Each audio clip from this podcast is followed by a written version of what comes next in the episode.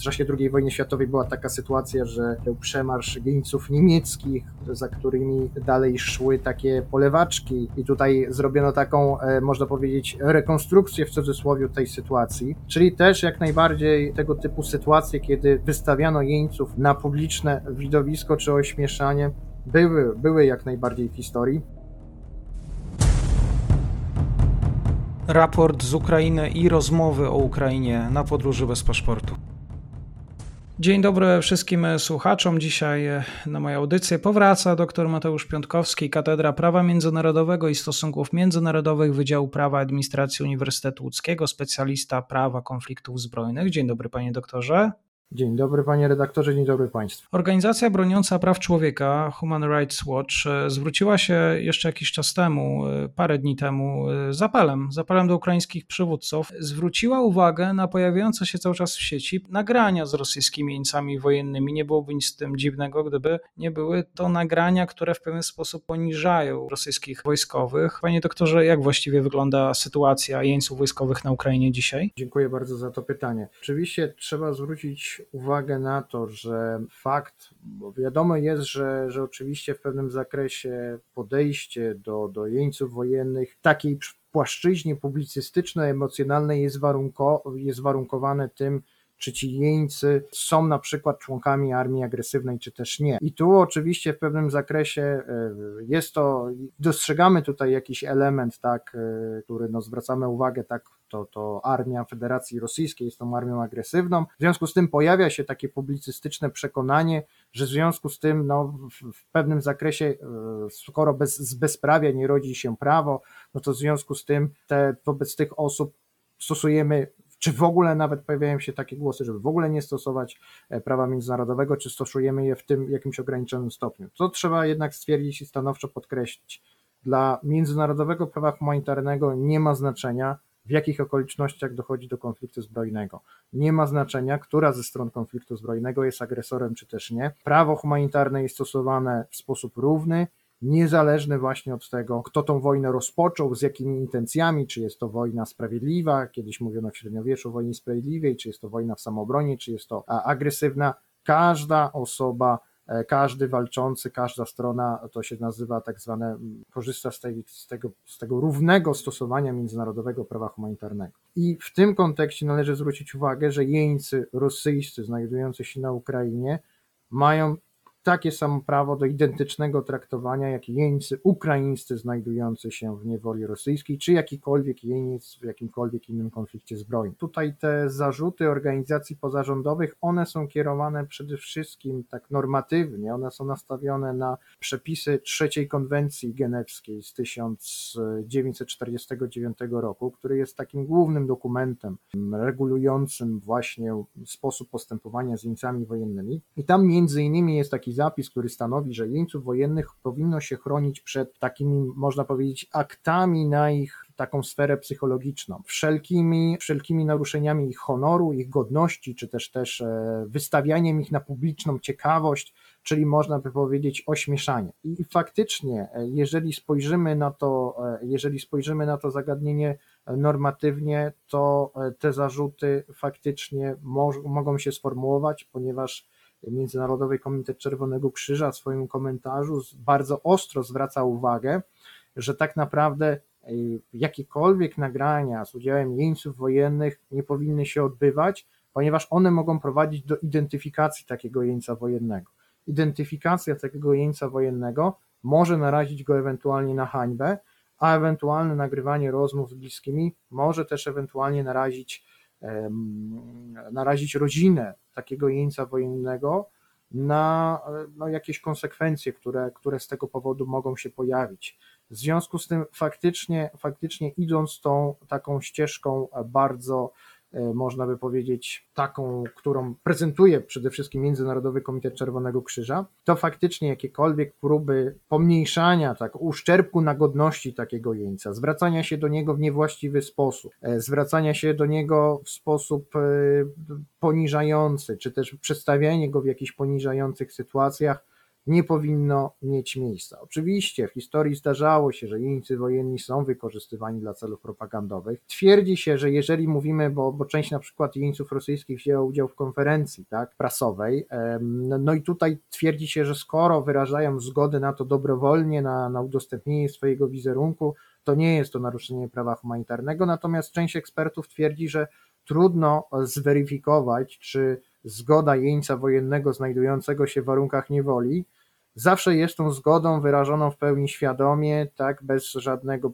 ewentualnego zewnętrznego przymusu i tak dalej. Stąd też faktycznie te zastrzeżenia są. Międzynarodowy Komitet Czerwonego Krzyża mówi, żeby w dobie w ogóle erze mediów społecznościowych, aby nie traktować jeńców wojennych właśnie jako obiektów, jako obiektów można by powiedzieć w pewnym zakresie zainteresowania, jakichś obiektów można by powiedzieć, ciekawości społecznej, gdyż status jeńców wojennych nie jest taki sam jak na przykład osób skazanych czy podejrzewanych o przestępstwa. Na przykład zwróćmy uwagę, że, że jeżeli mówimy o raportowaniu z procesów karnych, tam na przykład taką osobę się zakrywa, pikseluje się twarz. I tutaj Międzynarodowy Komitet Czerwonego Krzyża również mówi, nie ujawniajmy nagrań, które pozwalają zidentyfikować jeńca wojennego, bo to go może narazić na hańbę, E, może go narazić na śmieszność i e, generalnie jest naruszeniem jego godności. Panie doktorze, ale tak w praktyce ja myślę, że to są takie wzniosłe hasła, godność, e, nie narażajmy na hańbę, ale jeżeli chodzi o taką ocenę,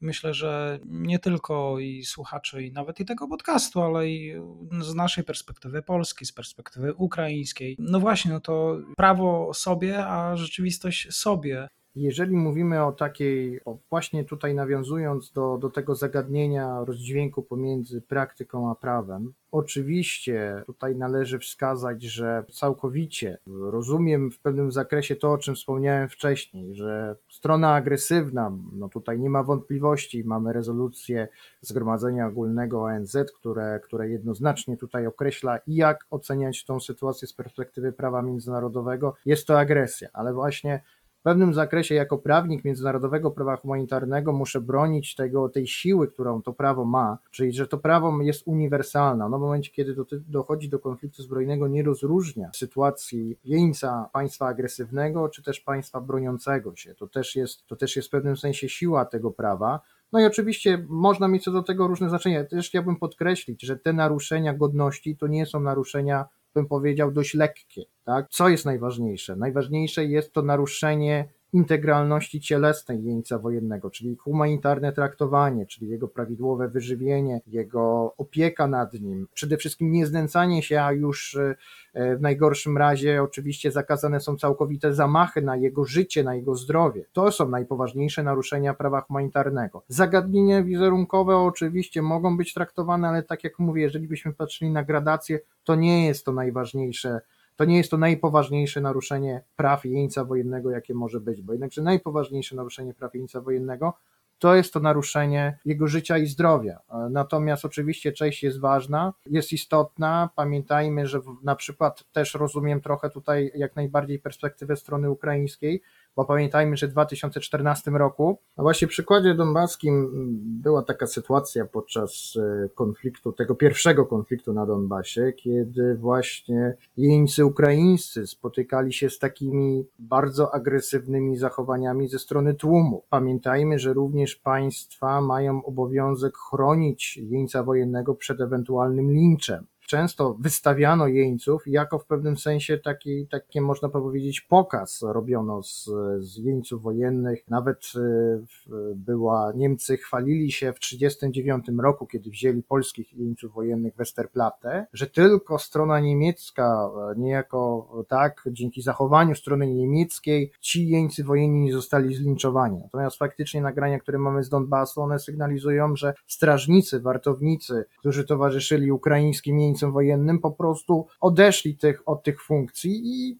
oni byli poddawani, byli poniżani, opluwani, bici też, e, niektórzy zostali pobici bardzo dolegliwie. Też organizowano takie jakby manifestacje. W czasie II wojny światowej była taka sytuacja, że był przemarsz jeńców niemieckich, za którymi dalej szły takie polewaczki i tutaj zrobiono taką, e, można powiedzieć, rekonstrukcję w cudzysłowie tej sytuacji. Czyli też jak najbardziej, jak najbardziej tego typu sytuacje, kiedy wystawiano jeńców na publiczne widowisko czy ośmieszanie, były, były jak najbardziej w historii i też w pewnym zakresie rozumiem specyfikę tego e, konfliktu. Niemniej jednak, że, no jednak, że mimo wszystko nie można postawić znaku równości, bo co innego jest wystawić jeńca na pokaz publiczny jakimś tłumom, poddać go możliwości linczu, a co innego jest udostępnić nagranie w mediach społecznościowych. Nie mamy wątpliwości, że skala tutaj naruszeń jest zupełnie inna. Dlatego też, też mówię pod takim kątem, że e, oczywiście możemy mieć tutaj do, do czynienia na, naruszeniem prawa humanitarnego, ale jednakże stosunkowo mniejszej kategorii niż na przykład właśnie wystawianie jeńców publicznych, czy na przykład humanitarne traktowanie. No i właśnie, jeżeli mówimy o takim funkcjonowaniu jeńców wojennych, to trzeba tu zwrócić uwagę, że trzecia konwencja genewska jest dokumentem, który można by powiedzieć bardzo sposób taki kompleksowy reguluje funkcjonowanie jeńców wojennych w warunkach niewoli. Jeniec, który oczywiście rzecz biorąc e, dostaje się do takiej niewoli, e, przede wszystkim rzecz biorąc, no od razu znajduje się pod opieką państwa i to państwo powinno go natychmiast zabezpieczyć, tak? Jeniec dostając się do niewoli powinien jedyne co może zrobić, co, co, co, co, z czym może współpracować, to właśnie powinien podać, ale też nie do końca, też jeżeli tego nie poda, to też nie powinny go spotkać żadne nieprzyjemności, właśnie mm, imię, nazwisko, stopień wojskowy, tutaj numer, numer książeczki, numer jednostki i to wszystko, o co druga strona może go zapytać. Jeżeli tych danych nie poda, to na przykład no, może się liczyć z tym, że nie będzie traktowany tak jak oficer, bo oficer w niewoli ma w pewnym zakresie pewne, pewne takie uprawnienia. Tutaj to jest jedyna konsekwencja. Natomiast y, natychmiast po wzięciu do niewoli znajduje się władze strony nieprzyjacielskiej, właśnie jeńców, należy też ewakuować ze strefy działań wojennych. Jeńcy nie mogą służyć, przede wszystkim obozy jenieckie, nie mogą służyć jako powiedzmy, jako, jako takie żywe tarcze, tak? To się czasami e, e, zdarza, że, że jeńcy wojenni, czy też zdarzało się w historii, że jeńcy wojenni byli wykorzystywani, czy obozy jenieckie, jako w pewnym sensie taka żywa tarcza przed e, na przykład nalotem. To jest niedopuszczalne i jeńców wojennych powinno się jak najszybciej z takiego e, spornego obszaru ewakuować i, i, i, zapewnić mu maksymalne bezpieczeństwo i następnie ewakuować w miarę możliwości właśnie do obozów jenieckich, skierowanych gdzieś, gdzieś oczywiście na, e, e, na zapleczu, gdzie tacy, tacy jeńcy wojenni będą mieli oczywiście odpowiednie zakwaterowanie zakwaterowanie i warunki właściwie odpowiednie, tak jak normalnym siłom zbrojnym danego państwa. Są wymogi odnoszące się do racji żywnościowych, są wymogi odnoszące się do bielizny, do higieny i opieki lekarskiej, do e, pomocy religijnej, również do zajęć kulturalnych i e, można by powiedzieć takich społecznych. Czyli generalnie rzecz biorąc, to wszystko jest w trzeciej konwencji genewskiej, która jest dokumentem bardzo kompleksowym, który jest bardzo, można by powiedzieć, dokumentem, który szczegółowo opisuje początek niewoli, obowiązki państwa w stosunku do jeńców, również kwestia pewnych kar. Pamiętacie Państwo e, zapewnie taki film Wielka Ucieczka, tak? Wielka Ucieczka, gdzie, mm, gdzie zresztą e, e, powstał później przecież właśnie słynny film z Stevenem McQueenem i właśnie konsekwencje na przykład ewentualnej ucieczki, tak? E, ucieczka generalnie rzecz biorąc jest karana właściwie jedynie jako przewinienie dyscyplinarne. Jeniec nie może być poddany temu dalszemu e, jakiegokolwiek konsekwencjom e, w tych warunkach niż ponad ewentualnych tutaj kar dyscyplinarnych, które też, które też są nie, niczym nie nowym, tylko już występują na poziomie sił zbrojnych danego państwa. Więc tak naprawdę tak naprawdę tutaj, tutaj no jest to jednak, że, jednak, że jest to, jednak, że to, ta ochrona jest dość kompleksowa. W tym momencie, jeżeli chodzi o rosyjskich jeńców, wicepremier Ukrainy Irina Wereszczuk poinformowała, że mają oficjalnie 562 rosyjskich jeńców. Ukraińskie władze też zapewniają, że wszyscy są traktowani zgodnie z prawem międzynarodowym, a praktyka czasami pokazuje sobie i o tej też praktycznej stronie mówił pan dr Mateusz Piątkowski, Uniwersytet Łódzki. Bardzo dziękuję. Dziękuję bardzo.